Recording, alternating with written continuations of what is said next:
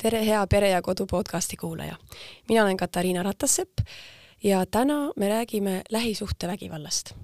aga seda võib-olla täiesti ootamatu nurga alt, nimelt me lahkame seda, kuidas puudutada seda teemat teatrikeeles. ja mul on külla tulnud näitleja ja lavastaja Mari-Liis Lill, kes lavastab Eesti Noorsooteatris lavastust Teises toas. tere, Mari-Liis! tere! ma vabandan ette ära, et mul on hääl natukene ära, aga ma loodan, et sina niikuinii räägid rohkem loodame. Äh, no küsingi siis kõigepealt, et kuidas rääkida nii raskel teemal nagu lähisuhtevägivald äh, teatrikeeles ja veel sellises teatris nagu Noorsooteater? jah, eks see oli ka meie küsimus pikalt, et äh, kuidas rääkida niimoodi, et inimesed terveks jääks. ja ka aus vastus on see, et et enne ei tea, kui publik on saalis käinud ja meil on veel esietenduseni natuke aega sellel hetkel, kui me praegu siin vestleme, et näis, aga meie nii-öelda lootus on selles, et kui rääkida asjadest nii, nagu nad olid, rääkida hästi ausalt, hästi vahetult, siis äh, ja ühtlasi rääkida selle nurga alt, et ega me ju mm, kõik need lood praktiliselt, mida meie kogusime, olid ikkagi jõudnud kuhugi välja mingisuguse pääsemiseni, mingisuguse uue lõpuni, uue alguseni ja, ja noh, minu lootus neid lugusid kogudes ja kuulates oli ikkagi see, et kui rääkida seda teekonda, et sa võid olla väga-väga koledas kohas oma elus, aga kui keegi on tulnud sealt välja, eh, siis eh, ehk sisendab pigem lootust kui eh, masendust mm. -hmm. et see lavastus siis koosneb mitmest loost ja need on kõik positiivse lõpuga? kõik ei ole. see on ju nagu elus ikka, kõik lood ei lõpe õnnelikult, aga aga väga paljud lõpevad. ja selles mõttes ka, et kuidas rääkida seda noorsooteatris, ehm, me lõpuks ju tegime selle valiku, et me jutustame ikkagi mm, neid lugusid kahes saalis, jutustame nooremale vaatajale, kolmteist pluss on meil ka see vanusepiir, ja jutustame teises saalis nii-öelda kaheksateist pluss, me otseselt ei keela kellelgi siseneda teise saali ja keegi dokumenti ei kontrolli ukse peal, aga, aga me soovitame, et lihtsalt üks on see, et äh, lood on koledad, äh, aga teine on ka lihtsalt see, et mingid lood kõnetavad meile erineval eluetapil erinevalt. et need lood, mis mind kõnetasid, kui ma olin neliteist, on kindlasti teistsugused kui need, mis kõnetavad mind praegu. miks sa arvad, et see teema on oluline? sellepärast, et see on nii kohutavalt ulatuslik ikkagi Eestis ja, ja tõepoolest on ka mõnes mõttes ju selline teema, et kes ei tegeleks tänapäeval lähisuhtevägivalla teemaga, eks ole, kui me vaatame ükskõik ajakirjanduses, me oleme hakanud sellest väga palju, väga julgelt rääkima, kogemuslugude kaudu inimesed on julgenud tulla oma näo ja nimega ja jagada seda kogemust ükskõik ajalehes, televiisoris väga huvitav oli äh, Flo Kaseru näitus äh, näiteks äh, kunsthoones. muusikud tegelikult ju mõnes mõttes ei ole, et skulptorid vist veel ei tee ja ma ei tea, kuidas arhitektidel on, aga, aga ikkagi väga paljudel kunstialadel selle teemaga tegeletakse. ja eks paratamatult ma ise ka nagu tajun seda küsimust, et kas sellel on natuke see maik, et see on popp teema, et teeme siis ka aga tunnistan ausalt üles, et selle lavastuse puhul küll mm, see teema tuli meie juurde, me tegelikult alustasime natuke teisel teemal. mis teemal siis?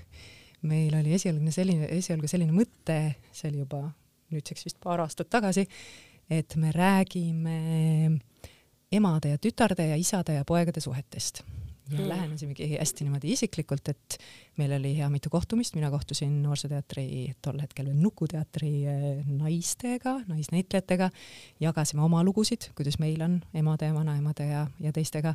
Ja mehed said ka omavahel kokku ja jagasid natukene lugusid. Aga, ja siis jagasime ka teiste lugusid, ütleme siis kuskilt niimoodi lähemad sõbrad, sugulased sellisest lähiringist ja lihtsalt, kuna ikkagi selle väikese seltskonna peale tuli see teema nii mitu korda jutuks, nii mitu korda lauale, siis mõnes mõttes see fookus hakkas ennast ise seadma või see lugu hakkas ennast ise kirjutama. Ja ühel hetkel nagu tundus lihtsalt, et kui seal on laual sellised lood, mm, kus on üsna jõhker lähisuhtevägivald ja ma ei räägi praegu, et kõikidel trupi liikmetel on lähisuhtevägivald, trupid on natukene muutunud ja tõesti, et me rääkisime ju ka noh, mis minu sõbranna sõbrannaga juhtus, lugusid. ja siis tundus, et kui sinna kõrvale rääkida seda, et ma ei tea, mu ema on natukene mm, hindab mu välimust kriitiliselt, noh, et, et nad ühel hetkel, kuidas öelda, see, see teema kirjutas ennast üle nagu nendest mm -hmm. lugudest, mis on võib-olla kuidagi rõõmsamad või, või positiivsemad mm. -hmm. et peale jäid ainult väga, väga sünged lood ja aga see on ka vist petlik selles mõttes, et ma ju just siin tulen proovist, et, et jah, ühest küljest nendes lugudes juhtub väga koledaid asju, kui need nagu kirjeldada eraldiseisva faktina aga teisest küljest noh, ma jälle ei ole nii palju tükk aega naernud mm.. ehk siis, et tegelikult see ei ole mitte see, et sa naerad teise inimese õnnetuse üle, vaid et see on lihtsalt nii absurdne, kuidas inimesed satuvad sellistesse olukordadesse, kuidas üldse toimib näiteks selle vägivallatseja loogika, kuidas ta nagu seletab, põhjendab, et see ühel hetkel tegelikult muutub äh, naljakaks. no väga kummaline.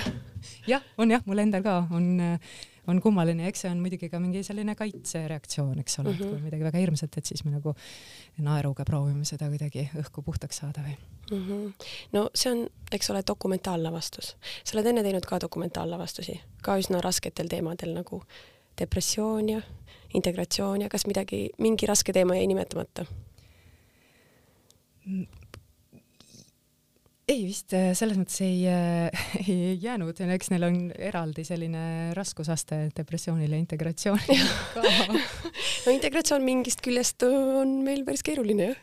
Ja, ja, äh, absoluutselt, aga et jah, mingil, kuidas öelda, täitsa, täitsa oma skaalal ja, ja ma olen ka teinud tüki sellest, kuidas, kuidas hästi äärmuslikud maailmavaated peavad ühes väikeses mm -hmm. majakeses koos elama, mis mm, isegi jah, mingil jälle teisel skaalal oli vist niisama raske kui need teised lood mm..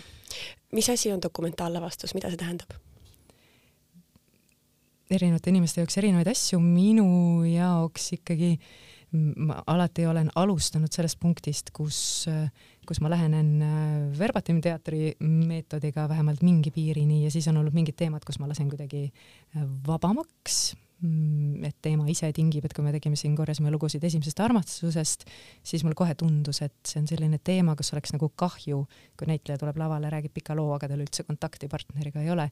ja just nimelt võtsime küll päris lood, aga nii-öelda dramatiseerisime või tegime nad ikkagi dialoogideks ja selle tüki puhul jälle on rõõm pöörduda tagasi selle juurde, et, et verbatim teater siis tähendab seda, et nii nagu inimene meile selle jutu rääkis, täpselt tema sõnadega koos kõikide nohhide, jahhide ja õõde-jääde öödega, mis ta mõttepausidel teeb, me toome need lood lavale, loomulikult me oleme neid hästi palju lühendanud, lõiganud, kleepinud sedapidi, et kui inimene rääkis meile kaks-kolm tundi oma elust, siis see tähendab paberil umbes viiskümmend lehekülge teksti, kõike seda me ärge muretsege, see teater ei kesta nädal aega, et see kestab ikkagi ühe õhtu, kell seitse algab ja, ja kaks vaatust kenasti Äh, ehk siis, et me oleme seda kõvasti lühendanud, nii-öelda seda inimese elulugu, aga see, kuidas ta rääkis, äh, on, on autentne. see tähendab hetkel minu jaoks dokumentaalset teatrit.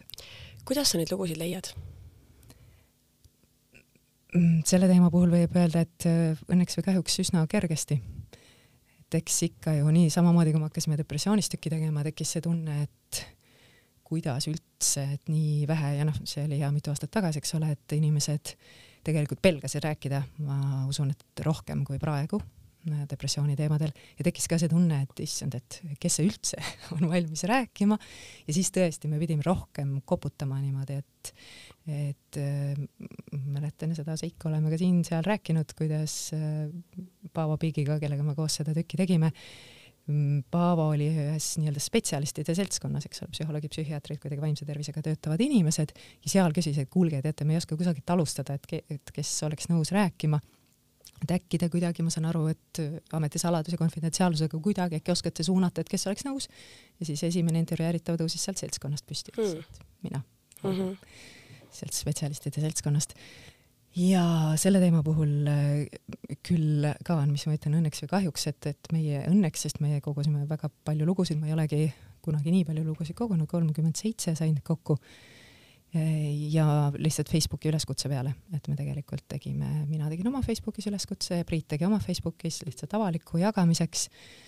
ja esimene inimene kirjutas paari minuti pärast ja siis ühel hetkel pidime üleskutse maha võtma, sest äh, ja see on alati nii kurb hetk selles mõttes, et et ma ütlen, et äh, nagu tunnetan seda, seda minust kaduma läinud sotsioloogi, et mind tegelikult nagu väga huvitaks, ma tahaks kuulata ära kõik maailma lood sellel teemal, aga ühel hetkel lihtsalt see teatriraam pressib peale, et sa pead liikuma edasi hakkama, juba tegema mingiks hetkeks selle teksti valmis saama, tähtaeg surub kuklasse, et et siis tõesti jah, juhtus niimoodi, et et oleks olnud veel lugusid, mida kuulata. mitu neid siis sisse jäi? meil on kokku laval kaheksateist tegelast tegelikult ja seda meile võimaldab just nimelt see kaks saali, et mõnes mõttes meil ongi ju kolm, kolm vaatust, millest siis teatrivaataja näeb ära kaks, kui ta tuleb mm -hmm. ühel õhtul teatrisse.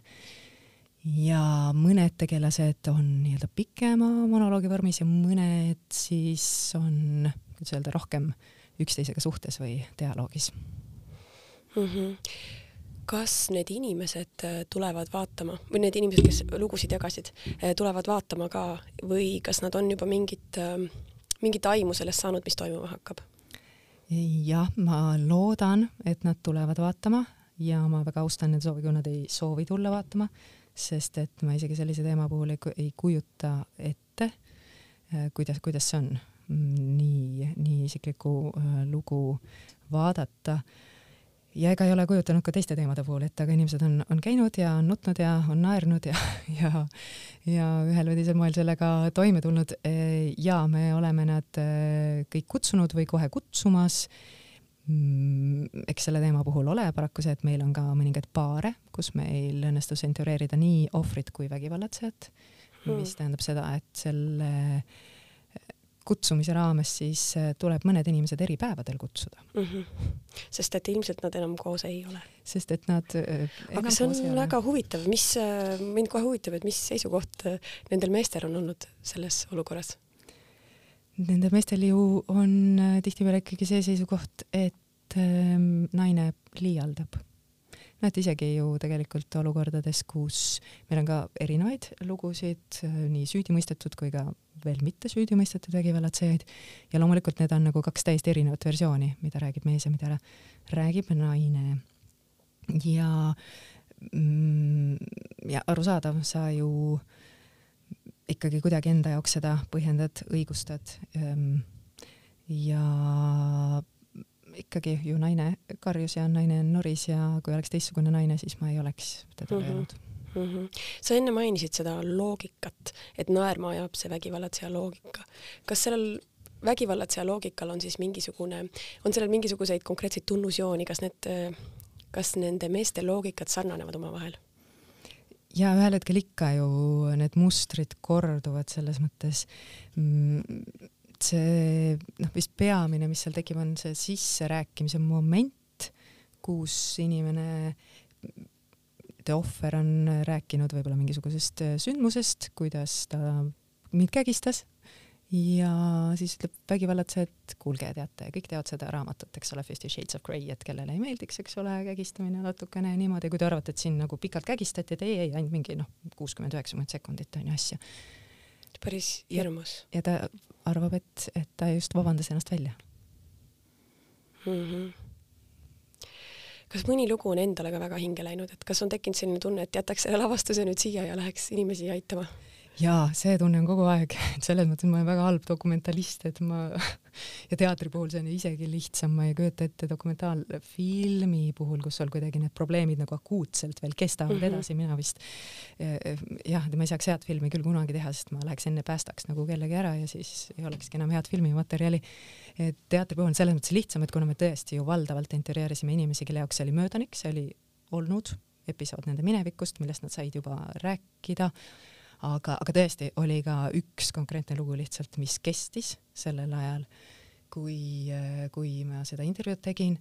Ja siis veel see on nii huvitav tunne, kuidas nagu mõnes mõttes äh, sinu tegelased, kuigi nad on ju päris inimesed, aga ühel hetkel, kui sa paned nad näitemängu sisse, annad neile varjunime ja nii edasi, et nad muutuvad kuidagi nagu tegelasteks, näit-, omandavad nagu mm, -hmm. neile pannakse kostüüm ja grimm ja, ja näitleja mängib.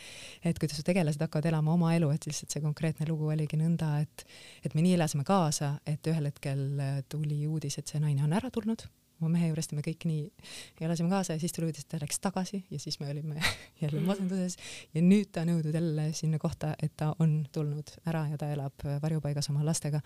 ja, ja noh, ma ütlen, et, et see rõõm on, ma arvan, mitu korda suurem kui rõõm mingisugusest kunstilisest õnnestumisest hmm.. see on siis ainuke lugu, mis oli nagu akuutne, mis on siis ka nüüd lahenduse leidnud või? jah, tegelikult äh, küll mm. -hmm.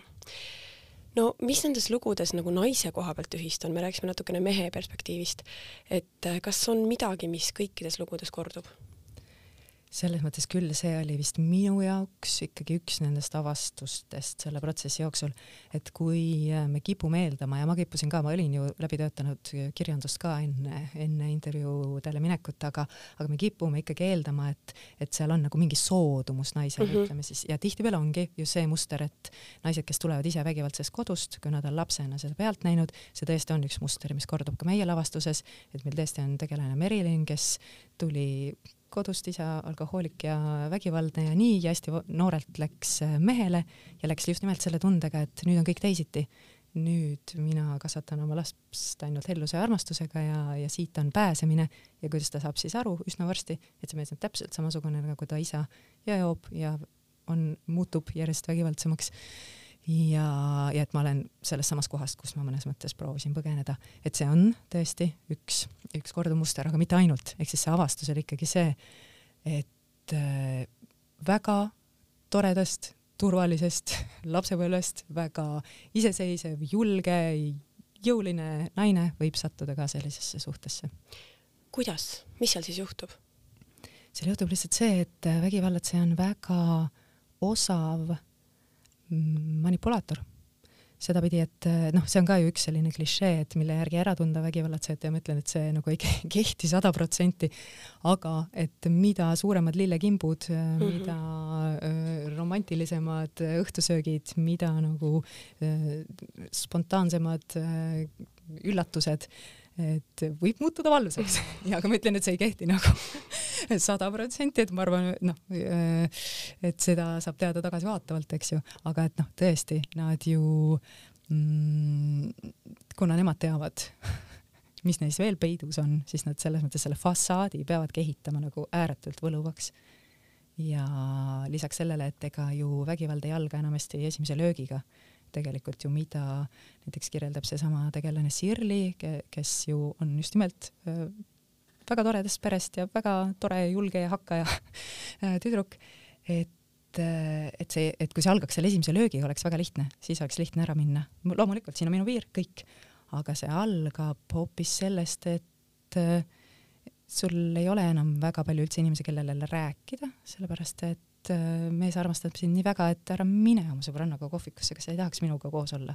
või et isegi kui läheme sõbrannaga kohvikusse, ma tulen ka, kas ma võin ka tulla selleks, et sa ei saaks rääkida ühtegi juttu, mis on võib-olla natukene nagu sinus küsimusi tekitanud. Eh, ehk siis isoleerimine, see, et sul ei olegi ühel hetkel enam jagada, sel hetkel võib-olla, kui see, kui see löök toimub ja kaasa arvatud nagu nii-öelda vaimne vägivald ehk siis nagu see töö enesehinnangu kallal, kus sa ühel hetkel lisaks sellele, et sul ei olegi eriti kontaktne väljaspool, on see, et mina olen süüdi kõikides asjades, ma olen paks, ma olen kole, ma olen loll ma olen saamatu, kas sa ei saaks siis vaata seda tüdrukut, miks sa ei saaks nagu nii ilus olla kui tema, miks sa ei saaks nii istuda, ehk siis et et, et jah, et sa tihtipeale ei märka seda enne, kui see löök käib ja kui see löök juba käib, siis, siis sa oled nii sisse messitud, et, et siis on raske mm. -hmm. kas sa arvad, et need mehed teevad seda teadlikult? et nad toovad alguses neid lillekimpe ja siis ei luba enam teistega suhelda ja Eh, ma arvan, et on, eh, mitte et ma ei arva, vaid et minust targemad inimesed on, on eh, seda asja uurinud, et on ju väga palju erinevat tüüpi vägivallatsejaid mm., niisamuti nagu on erinevat tüüpi ohvreid, mitte kõik ei tule vägivaldsest perest ja samamoodi vägivallatsejaid on ju, ju väga-väga erinevaid. kui me räägime sellisest süstemaatilisest vägivallast, kus inimene nagu teab, kasutab seda teadlikult selleks, et saada seda, mida ta tahab siis jaa, seal see on kindlasti teadlik, et ma võlun su ära, äh, tekitan nii-öelda nii suure armastuse tunde enne, et äh, siis pärast seda, selle armastuse tunde pealt ma saan nagu sealt jupp maad selle põhjani, eks ole, et mm -hmm. nagu viidud nii kõrgele kuidagi emotsionaalselt, et, et siis ma annangi väga pikalt väga palju andeks ja muidugi on ka vägivallatsejaid, keda me nimetame siis nii-öelda situatiivseteks vägivallatsejateks, ehk siis, et tegelikult nagu inimene, kes viskab kodus nõusid puruks, ei ole ilmtingimata alati nagu süstemaatiline vägivallatseja, vaid tal lihtsalt võib-olla tõesti läks silme eest mustaks. Ja sellest on võimalik rääkida ja seda olukorda saab ka parandada, inimene saab õppida nii-öelda impulsse kontrollima ja, ja paremini käituma. aga kui me räägime sellisest vägivallast, kus, kus ähm, sa tegelikult äh, meelega äh, teed haiget selleks, et teine teeks rohkem seda, mis sina tahad, siis äh, mm, siis see on juba teadlik ja, ja seda nii-öelda parandada või, või nii-öelda ümber õppida on juba väga-väga palju keerulisem. on olemas ju mingisugused ravid või mingid programmid vägivallatsejatele, kas sa uurisid nende kohta ja, ja kas nad päriselt aitavad, sa vist nagu äriväri vastasid sellele juba, et, et põhimõtteliselt ei, ei, ei anna väga muuta siin midagi et see, ma ütlengi, et see sõltub nagu äh, sellest, et kas see on äh, impulsi kontrollimatus või mm -hmm. see on ikkagi äh, minu valik mm, -hmm. siis õppinud hoiak. ma mäletan kunagi, kui ma esimest korda üldse lugesin, selline kultusraamat on Lundi Bancrofti Miks ta seda teeb, kuidas mõtlevad vihased ja kontrollivad mehed. ja et minu jaoks see oli ikkagi kuidagi uus, see teadmine, et see ei ole mitte impulsi kontrollimatus, see vägivald, vaid et see on hoiakute küsimus, ma teen seda sellepärast, et ma arvan, et nii on õige, et nii on mulle parem.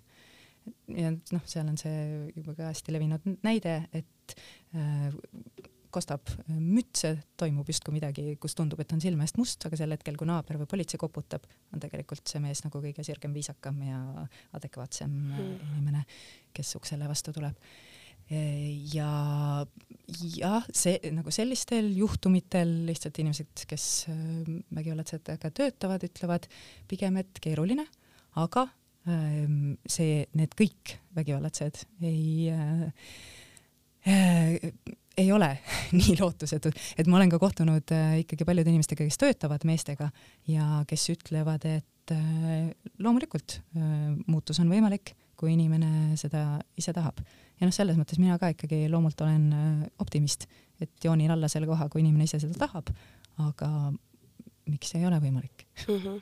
no kuulates neid äh, neid kirjeldusi, siis tekivad äh, pakkumised diagnooside kohta või isiksushäire koht, häirete kohta nagu nartsissist või sotsiopaat või psühhopaat. kas sulle tundub, et kõikide nende lugude need antikangelased on siis, on siis midagi sellist? Ei mm,, loomulikult jaa, äh, tihtipeale võib leida sealt sagedamini just nimelt neid isiksushäireid, mida sa nimetasid äh, ja osadel äh, ka meie intervjueeritavatel on diag-, diagnoositud narcissistlik isiksuse häire, aga see ei ole ka reegel, see ei tähenda seda, et kõik vägivallatsejad kannatavad mingi isiksuse häire all.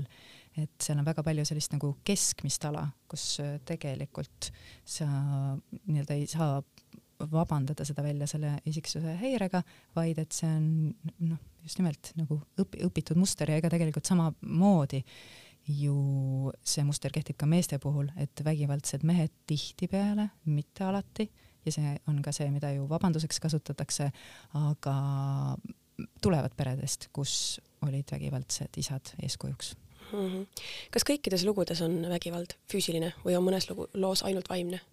Kõikides ei ole. Ja me ka teadlikult ju äh, proovisime seda niimoodi äh, sättida, et lisaks sellele, et ei ole kõikides füüsiline vägivald, on ka täitsa puhtalt vaimse vägivalla lugu, seksuaalne vägivald on tegelikult üks selline vägivallaliik, millest ähm, ma arvan, et on äh, vähemalt meie kogemuse põhjal kõige raskem rääkida et füüsilisest mõnes mõttes on kõige lihtsam rääkida, sellepärast et sellel on nagu jälje, et see on mingi käegakatsutav asi, aga näiteks seksuaalvägivald paari suhtes on täpselt nagu selline asi, nagu ütleb ka meie äh, intervjueeritav, et äh, aga ma arvasin, et mul on abielukohustused. et see ju ongi abielu, et mis see, mis mm -hmm. abielu siis muud on, kui ma täidan seda, mis tema tahab. päris hirmus. ja, ja, ja, ja selles mõttes küll on meil nii-öelda füüsilisest vägivallast puutumata lugusid ja samamoodi, et me ei räägi ju ainult äh, paarisuhtevägivallast meeste ja naiste vahel, et me räägime tegelikult ka vägivallast vanemate ja laste vahel. ja, ja et kui siit on praegu jäänud kuidagi pilt, et, et mehed on vägivaldsed ja naised on ohvrid, siis tõesti ju see nüüd statistika järgi üheksakümnel protsendil juhtudel niimoodi on, et naised on ohvrid, aga, aga meil on ka ikkagi lugusid, kus emad on vägivaldsed oma lastega, ehk siis see on hoopis üks nagu eraldi muster, mis puudutab äh, vanemate vägivalda äh, laste suhtes. Ja seal on loomulikult ka need isad, kes äh, löövad nii emasid kui lapsi suurt valimata, aga, aga tõesti on ka täitsa selline lugu, et lapsed, kes elasid emaga, kus ema oli vägivaldne. Ma just tahtsin küsida seda, et, et iga kord, kui äh, kusagil meedias räägitakse naistevastasest vägivallast, siis keegi kommenteerib, et, et aga naised löövad ka mehi ju, et seda teemat ei puudutanud. Ja meil isegi oli üks selline lugu, kus mees tuli rääkima sellest, et naine on olnud temaga äh, vägivaldne, aga me ei puutunud seda selles mõttes meelega. Ja loomulikult on lugusid, kus äh, naised on äh, meestega vägivaldsed, aga äh, mida ütlevad absoluutselt kõik ohvritega töötavad spetsialistid, et, et seal on ikkagi nagu see, et kuigi me proovime soostereotüüpidest siin tänapäeva maailmas lahti saada, et kuskil nad ikkagi tulevad sedapidi, et, et mida ütles üks spetsialist, et ta ei ole kunagi kuulnud näiteks sellist lugu, kus mees ütleb, et mul veri tardub soontes siis, kui mu naine tuleb trepist üles see on lihtsalt nagu tegelikult nagu füüsilise jõu küsimus, eks ju -hmm., muidugi, see on hästi ebameeldiv, kui naine tuleb kätega kallale ja võib-olla lööb sulle isegi kõrvakiilu ja nii ei tehta. aga, aga see ei lähe tavaliselt selle piirini, et mul oleks surmahirm oma naise ees ja kuna just nimelt me tegelikult ju meedias hästi tihti põrkume selle vastu, et aga naised ka löövad ja küllap naine näägutas ikkagi ka, et ta oli ära teeninud veidi selle, selle löögi kõhtu. et, et siis sellepärast me teadlikult ei, ei jutusta neid lugusid niipidi mm. -hmm. kas sa usud, et võib olla ka selliseid lugusid, kus see vägivald või no ütleme, et kus ongi naine natukene näägutas ja siis üks lõi teist ja siis teine lõi teist ja? jah mm,? absoluutselt, ma ütlen, et see ähm, nagu vist äh, igasuguste inimsuhete puhul, et galerii on palju laiem, kui me arvame. mina olen äh, ühe oma enda äh, üsna lähedase sõbra käest kuulnud äh, sellist lugu, kus on äh, isegi raske näppu peale panna, et kes see siis alustas, selles mõttes me füüsiliselt kaklesime, mees ja naine, kes füüsiliselt äh, kaklesid ja isegi raske sõrme peale panna, kes alustas inimesi on erinevaid. jah ehm, tahaks küsida veel seda, et äh, sa natukene juba rääkisid nendest punastest lippudest, aga kui sul oleks teismeline tütar, siis, siis äh, mis see, mis need punased lipud on, mis see õpetus on, mis sa selle lavastuse põhjal talle kaasa annaksid, et mida tasuks meeste puhul, mille suhtes tasuks tähelepanelik olla? jaa, see on ka vist minu jaoks jälle üks nagu selline avastuslik aspekt, et ma, ma ikkagi mm, ei oleks osanud, enne kui ma siia teemasse sukeldusin, ma ei oleks mul on õnneks ka pojad, aga neile tuleb rääkida muid jutte, et äh, samamoodi, kuidas äh,, kuidas äh, suhet hoida, aga, aga ma ei oleks osanud vist oma teismelisele tütrele enne siia protsessi sukeldumist mingit väga head nõud anda, sest tõesti see, kui me räägime kohtinguvägivallast ja minule koolis ei rääkinud keegi midagi kohtinguvägivallast. mis asi see on? just nimelt, see ongi see, kuidas sa õpid märkama neid vägivalla esimesi märke ehk siis näiteks, kui sa saad kokku väga toreda poisiga ja te väga armute üksteisesse, kõik on maru toredasti, aga ta ühel hetkel ütleb, et kuule, aga kustuta kõikide nagu oma vanade meessõprade numbrid telefonist ära. sellepärast, et ma lihtsalt armastan sind nii väga, ma olen natuke armukade. ja see on mingi päriselt asi, mis mulle meenub nagu lihtsalt noorpõlvest äh, ei ole juhtunud minuga, aga minu väga lähedase sõbrannaga ja see tundus normaalne, sest et mul ei olnud keegi kunagi sõnastanud seda, et see võib olla ohumärk ja või siis seesama, et kuule, ära mine oma sõbrannaga praegu, et ma tahaks nii sinuga koos olla. nii tore ju meil koos, me ju armastame üksteist.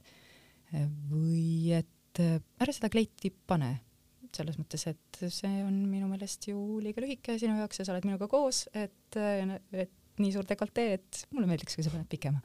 ja tegelikult ju noh mm,, tunduvad ju natuke on imelik, aga et kui ma teda armastan, et miks ma ei või siis nii teha, see pole ju vägivald ja jah, mõnes mõttes ju ei olegi, ta lihtsalt vaikselt nagu röövib minu vaba tahet. see on kohtinguvägivald sellest mm -hmm. räägiks oma tütrele.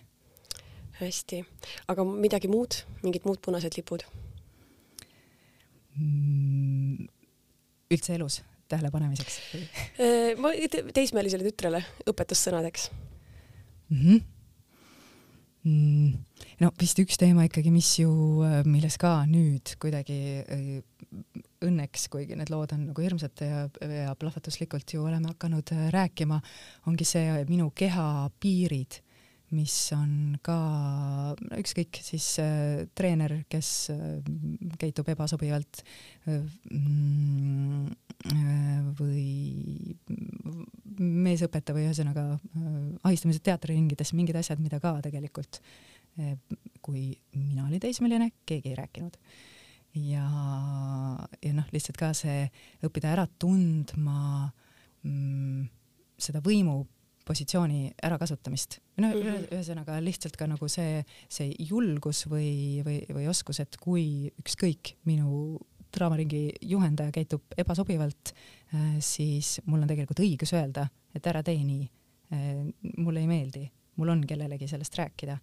ehk siis äh, jah, teismelist tütart mul ei ole, aga oma pojaga ma olen selle vestluse pidanud sedapidi, et, et mis iganes käite kooliga ujumas, keegi hakkab naerma, midagi rääkima, et, et sul on õigus oma keha suhtes tunda ennast hästi mm. -hmm. ja sa ei pea taluma ebamugavust ükskõik millisel, millisel viisil.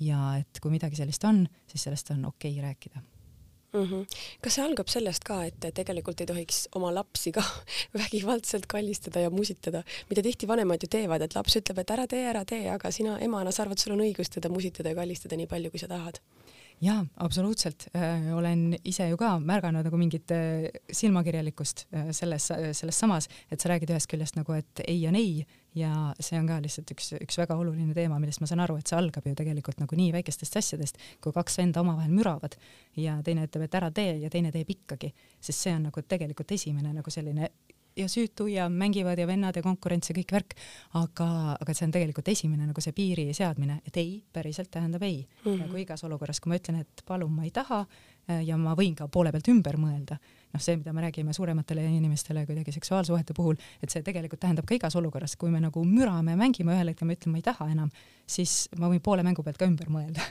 ja mis ma räägin silmakirjalik, et just nimelt, et lastele ju räägin ei tähendab ei, palun nüüd, aga kui on see, et emme hakkab minema, et tahaks nüüd musikalliga kas sa ei tahagi musikalli teha mulle, kuidas sa ei taha mulle musikalli teha, oota, oota, oota. noh, et äh, jaa äh,, reeglid võiksid olla kõigile ühesugused ja tuleb õppida ka oma lastest lahti laskma jah, kuidas näitlejad, kunstnik, dramaturg, teised need, need lood vastu võtsid või kuidas ähm, mida nemad on nagu juurde andnud või kui palju te olete üldse omavahel arutlenud nende asjade üle? me oleme päris kõvasti arutlenud, meil oli selline huvitav prooviperiood, et ju alustasime, siis tuli koroona vahele, siis me olime kõik oma kodudes ja tegi, proovisime Zoomis teha mingil määral proovi, mis ju on üsna ebatõhus vahend proovi tegelemiseks, olgem ausad. ja siis me ikkagi ka päris palju rääkisime lihtsalt nagu mis iganes mõtteid, tundeid, teemasid selle tükiga üles ujus ja ütlen ausalt, et ujus päris palju äh, kõigil, see ei tähenda seda, et nagu kõigil oleks vägivaldne suhe, vaid lihtsalt kuidagi nagu nende lugude, mis me laval räägime, avatus vist tekitab mingisuguse avatuse tegelikult näitlejas ja siis see omakorda nagu meis, kes me seal saalis kuulame. et me noh, tõesti vahepeal ikkagi nimetasin niimoodi teraapiaringideks nagu meie, meie, meie kohtumisi ja ma olen väga tänulik tegelikult kõiki, kõikidele meeskonna liikmetele, et sellise usalduse eest, et ega ma ei tundnud ju neid inimesi suuresti, kellega ma tööd tegema äh, läksin. ja, ja noh, eks see on ju siiamaani niimoodi, et äh, vastavalt päevale, et äh, mõnel päeval näen, et üks näitleja, tal on juba silmad punased ja ta niimoodi elab kaasa kolleegi loole ja, ja, ja teisel päeval on mingi nagu teine koht, mis selle vallandab. Ja noh, ja siis nagu ma ütlengi, et nagu täna meil oli jälle selline proov, et rääkisime neid noortesaali jutte järjest ja ikkagi vahepeal nagu naersime tooli pealt maha ennast, et et äh, jah, see protsess on vallandanud nii minus, kui ma vist julgen öelda, et ikkagi ka kogu selles loomingulises meeskonnas rohkem tundeid kui ükski teine dokumentaalne teema siiani. Hmm.. no ta on vist ka kõige raskem ikkagi neist. ja vist on ka kõige raskem ikkagi neist jah mida see lavastus võiks publikule anda, mille võrra rikkamana nad, nad võiks siis saalist lahkuda? ma väga loodan, et, et ta annab nendele inimestele, kellel on mingi isiklik kokkupuude ja ma ütlen, et see lavastus ei ole mõeldud mitte kuidagi ainult nendele inimestele, kellel on isiklik kokkupuude lähisuhtevägivallaga, aga et lihtsalt seda jõudu, kui sa näed teisi inimesi rääkimas sarnastest olukordadest ja sellest, kuidas ma selle lõpetasin, kuidas ma sellest välja tulin, et see annab selle vajaliku jõu sellistest suhetest välja tulla. Ja kõikidele teistele ja neid on ju enamus, äh, ma loodan, äh, kellel ei ole isiklikku kokkupuudet, ta on lihtsalt äh, minu jaoks olnud ja sellepärast seda tükki teen hästi suur nagu empaatia kasvatamise harjutus jälle, et sa mm, sa nagu näed nii sügavale ühe inimese sisse ja kui ta neid olu-, lugusid või olukordi kirjeldab, et siis võib-olla tõesti, et see kolleeg, kes on kuidagi nagu närviline kohvinurgas tööl, et sa tegelikult nagu saad aru, Äh, mi-, miks see, miks see niimoodi on, et ta ikkagi äh, kasvatab mõistmist teise inimese suhtes. kas ta murrab ka seda müüti, et, et vägivaldsed suhted on, ma ei tea, asotsiaalidel ja hoopis teisel ühiskonnakihil kui mina? Jaa, seda müüti ta murrab kohe kõvasti, ühtegi asotsiaali lavale ei astu ja tegelikult ju kõik need inimesed, kes meil laval on, on äh, ikkagi jah, selles mõttes linnast ja maalt ja keskklass ja natukene kehvemini elavad ja väga palju paremini elavad.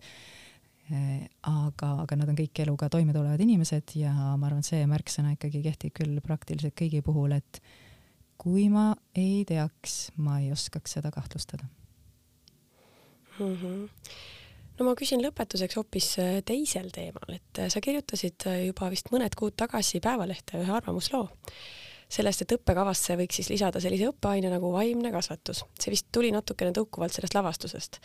räägi natuke sellest mõttest lähemalt jaa, äh, selle vaimse kasvatuse all äh, õppekava veel ei ole välja töötatud, äh, aga võimalusi on mitmeid ja muidugi see tõukus sellest lavastusest ja ühtlasi sellest, et et tegelikult meil on üldse eesti keeles väga vähe, millele toetuda, kui näiteks inimeseõpetuse tunnis õpetaja tahaks jagada noorte inimestega üks, ükskõik siis kas füüsilise karistamise teemasid või sellesama kohtinguvägivalla teemasid, et et kohtinguvägivalla teemal muide on küll teinud Tartu naistearstid väga tänuväärset tööd ja täitsa töötanud välja sellise õppematerjali, mis on äh, kasutamiseks kättesaadav, varsti ka Noorsooteatri kodulehel äh, ilmub link selle kohta. et äh, jaa, seesama, mis ma kirjeldasin, et minul tegelikult ei olnud teismelisena neid teadmisi, mis mul on praegu ja ma arvan, et eh, jah, tui-tui-tui, läks enam-vähem hästi, et kuidagi tulin tulin läbi niimoodi, et ei, ei ole pidanud kohut käima eh, ühegi mehega, aga, aga kui ei oleks nii hästi läinud või ühesõnaga, et ma tunnen, et neid teadmisi on vaja varem mm -hmm. ja, ja sellest äh, tõukuvalt äh, see vaimne, vaimne kasvatus, muidugi, et see vaimne kasvatus, lihtsalt kui rääkida äh, sellest tulevasest õppekavast, ei pea muidugi kõnelema ainult lähisuhtevägivallast, vaid üleüldse seda, mm, sellest, miks me nagu õpime suhteid paremini hoidma tagantjärele, et kas me ei saaks seda kuidagi ennetada, see, et me lähemegi kuskile Kordoni pereteraapiasse, see kõik on väga tore ja ja, mm, ja maksame palju raha nädala lõppudel selle eest, et saada mingeid elementaarseid teadmisi, eh, kuidas paremini ennast väljendada ja teist kuulata, et seda võiks teha sutsuke varem, oli minu plaan. et see puudutaks siis eh, ennekõike nagu suhteteemasid, mitte siis inimese suhet iseendaga? mõlemat, mõlemat, et selles mõttes ju me äh, mõnes mõttes oleme kogu aeg suhtes kellegagi, aga mitte ainult paari suhtes, suhtes oma vanematega, suhtes oma sõpradega ja ka ühtlasi seda, et mida me oskame tänapäeva maailmas üsna halvasti, et kui ma olen üksi, et ma oskaksin ka, ka üksi olla ja et mind ei tabaks kohe nagu paanika ja hirm ja totaalne üksildus, vaid et, et jah, selles mõttes lihtsalt, et tundma, õppida oma sisemaailma protsesse ja kuidas need siis vastu kajavad teistes inimestes kas selle õppekava abil saaks siis mitte ainult päästa neid naisi sealt loost, vaid ka muuta neid mehi? absoluutselt, äh, sest et tegelikult ju mm, mitte ükski laps ei sünni selle süstemaatilise vägivallatsejana. see ja kindlasti on mingisugune geneetiline eelsoodumus, kui me räägime temperamenditüübist ja üleüldse isiksuse häired on täitsa eraldi teema, aga et laias laastus me ikkagi ju kasvame sellisteks ja ma kujutan ette, et kui kui ta tuleb kodust, kus äh, sellist käitumist kuidagi soodustatakse või jäetakse tähelepanuta, siis kool ju võiks olla see koht, kus sulle õpetatakse teisi toimetulekumehhanisme mm. -hmm. kõik psühhopaadid üldse ei pidanud olema sarimõrvarid ega vägivallatsejad, et, äh, et see isiksushäire üldse ei eelda seda ju. muidugi, osad on tippjuhid mm. -hmm. aga aitäh sulle, Mari-Liis! aitäh! aitäh, armas kuulaja, et sa meid ära kuulasid kõik meie saated on leitavad Spotify'st, iTunes'ist, SoundCloud'ist ja teistest suurematest podcast'ide rakendustest.